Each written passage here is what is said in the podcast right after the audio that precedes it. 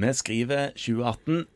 Normaltariffforhandlingene har gått i brudd mellom eh, staten og KS på den ene siden og Legeforeningen på den andre siden. Og vi har nå en fungerende normaltariff som er basert på det siste tilbudet staten kom med. Men vi er jo ikke så fornøyde med det, er vi vel, Kristian? Nei, altså selve normaltariffen som den står, er det jo ikke noe feil med, men vi fikk jo da ikke den økte rammen som Legeforeningen har sagt at vi trenger. Nei. Skuta holder på å gå, gå ned. Ja, sant. Så da tenker jo vi at hvordan skal vi Vi står jo veldig alene da, som fastlege, selvstendig næringsdrivende fastlege oppi dette. her, Og så har fått et brev, en mal, til et brev som man kan sende til kommunen. Og når vi har problemer, så springer vi ofte til de voksne. Og de voksne i denne forbindelsen her, det er jo Den norske legeforeningen, og derfor har vi med oss Marit Hermansen, president. Hvordan er det meningen at fastlegene skal gå fram nå for å kunne ta kampen opp og føre det videre? For det, vi, vi, vi kan jo ikke leve med et brudd. Eller Nei. vi kan jo, men vi bør jo kanskje kjempe videre. Altså, Vi kan vel leve med et brudd, men det, vi tror vel ikke at ordningen kan leve med et brudd. Nei, og det er veldig godt sagt. eh, fordi eh, et brudd her er jo ikke det samme som et brudd i lønnsforhandlingen ellers. Vi er jo ikke i streik. Men det er jo et brudd mellom de sentrale partene. eh, mellom staten og KS og Legeforeningen. Og skal vi komme videre, eh, så må vi komme i dialog. Det ene er hva Legeforeningen gjør sentralt. Men nå har vi jo sendt ut dette brevet. Og jeg forstår at fastlegene kan kjenne seg alene på sitt kontor. Ja, for Derf- Det er jo litt sånn at eh, Per fastlege på det ytterste nes som sitter helt alene med denne mailen fra Sin tillitsvalgte, tror jeg. Ja, Eller var det fra eller rett fra Legeforeningen. Ja. Og lurer litt på hva gjør jeg nå? Og hva gjør Ola på nabokontoret? Eh, Hvordan skal vi forholde oss? Det som er bra med dette brevet, er jo at det er viktig at det skjer noe i kommunene. Eh, Og det er den enkelte fastlege som har avtale med sin kommune. Det er derfor vi er sendt ut til hver og en fastlege. Men det er noen som har f.eks. gått sammen på legesenteret eh, og skrevet et brev til kommunen. Eller man har gått sammen i hele kommunen, legene i hele kommunen, og skrevet brev. Og det er muligheter for alt. Nå er det tiden for at man faktisk bruker de strukturene som vi har også lokalt i kommunene.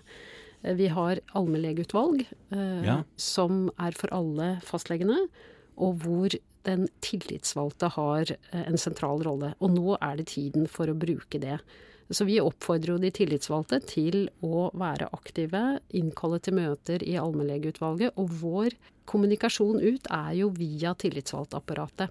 Så der går linjen fra den tillitsvalgte og helt opp til meg. Nettopp. Og både før sommeren øh, var det mye informasjon ut der, og det kommer vi også til å gjøre etter sommeren. Og følge opp de tillitsvalgte på de tiltakene som man iverksetter. For det er viktig at det nå oppleves i kommunene at det er en ordning i krise. Ja. Det ene er at det ikke rekrutteres, men det er faktisk en fastleger som har altfor høy arbeidsbelastning.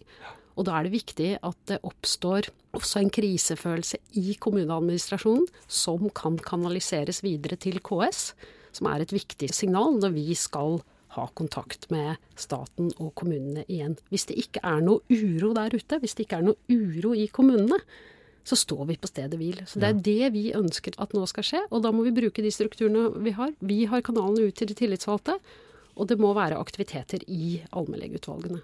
Det har jo vært veldig mye kronikker, debattinnlegg og forskjellige typer eh, synlighet fra kolleger rundt omkring som peker på hvor stor krisen er.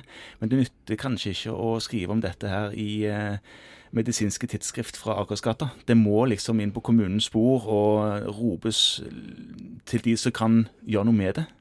Ja, og, og vi, vi trenger selvfølgelig debatten i sentrale medier. Ja. Men det er også viktig å få debatten i de lokale eh, mediene. eh, Få uroen i kommuneadministrasjonen, få de lokale politikerne til å bekymre seg. De har kontakt med stortingspolitikerne fra sitt fylke. Altså, det er viktig at denne uroen også kommer nedenifra. At det ikke bare er de sentrale eh, parter som formidler at eh, fastlegeordningen nå er i en krise. Det er jo det vi egentlig har sett det siste året, at det har vært et veldig engasjement fra den enkelte fastlege som har stått fram med kronikker. Eh, det skal vi fortsette med det, men nå må vi faktisk også få det inn i kommuneadministrasjonen. Og en dialog om hvordan skal vi løse denne store arbeidsbelastningen som vi nå har. Det, det som jeg egentlig får litt sånn følelse av, er at vi må rett og slett Istedenfor bare å bite tennene sammen og jobbe enda litt lenger og enda litt fortere, så må vi gjøre sånn som vi forteller til barna. At eh, hvis du har det vondt og noen er stygge med deg, så må du si fra til en voksen. Ja. ja. Og den voksne er i dette tilfellet da tillitsvalgt i kommunen, kanskje i første omgang, og så prøver å få samordna dette litt, hvis du syns det er vanskelig, å ta det rett mot kommuneadministrasjonen din sjøl. Ja, og den voksne er også kommuneadministrasjon, for det er kommunen som har sørge-for-ansvaret for denne ordningen. Og det er ikke bare fastlegen som skal sitte med det store ansvaret når den ene oppgaven kommer etter den andre. Det er faktisk et problem som må over på bordet til kommunen. Ja, og nå er du inne på noe viktig, for det står jo i avtaleverket vårt at kommunen har plikt for å legge til rette for at fastlegetjenesten kan drives på en forsvarlig måte. Da er det jo viktig at vi sier fra når forholdene ikke ligger til rette. Og det har vi vel kanskje vært for dårlige til å gjøre tjenestevei i lengre tid. Ja, og jeg tror det, dette har jo kommet ballende på. Eh, ja. Det ene oppgaven etter den andre. Og fastlegene er jo utrolig arbeidsomme og kreative og flinke og har en stor ansvarsfølelse overfor pasientene sine. Men nå er det på tide å dele det ansvaret med kommunen. Ja, og så er det noe med at fastlegene og kommuneansatte leger på hver sin tue gjør det. Og så må foreningen holder på med sitt. Akkurat hvordan foreningen er bygd opp, er òg litt sånn Hvem er det egentlig som jobber for oss der? Du har Legeforeningen, du har Allmennlegeforeningen og Norsk forening for allmennmedisin. Hva er alle disse Altså, henger de sammen på noe vis? Ja. ja. Når du er medlem av Legeforeningen, så er du medlem av tre foreninger. Ja. For deg f.eks. så er det da er du medlem av Allmennlegeforeningen, som er den som forhandler uh, rammevilkårene for deg. Mm. Og så er det Norsk forening for allmennmedisin, som er opptatt av faget, fagutvikling, liksom kokeboka for hvordan dette skal utføres. Og så er det jo Rogaland legeforening, som er lokalforeningen hvor alle spesialitetene og legene møtes. Og, og, og, det er tre ben som Legeforeningen står på. Det er ganske unikt i Norge at en um, yrkesforening faktisk er en komplett profesjonsforening. Det er et valg vi tok, og det opplever jeg er en styrke. Fordi vi både kan ha solide faglige argument, og vi har uh, forhandlingsstyrken. Mm. Det er ikke sånn at det blir mange kokker og litt sølete, eller går det greit? Mange kokker kan gi mye søl, eh, men mange kokker kan også gi en skikkelig fin middag, og jeg tror det er det, det er det, vi får. Det er sant, og akkurat nå trenger vi noe som smaker bedre enn det som livet vårt smaker akkurat nå.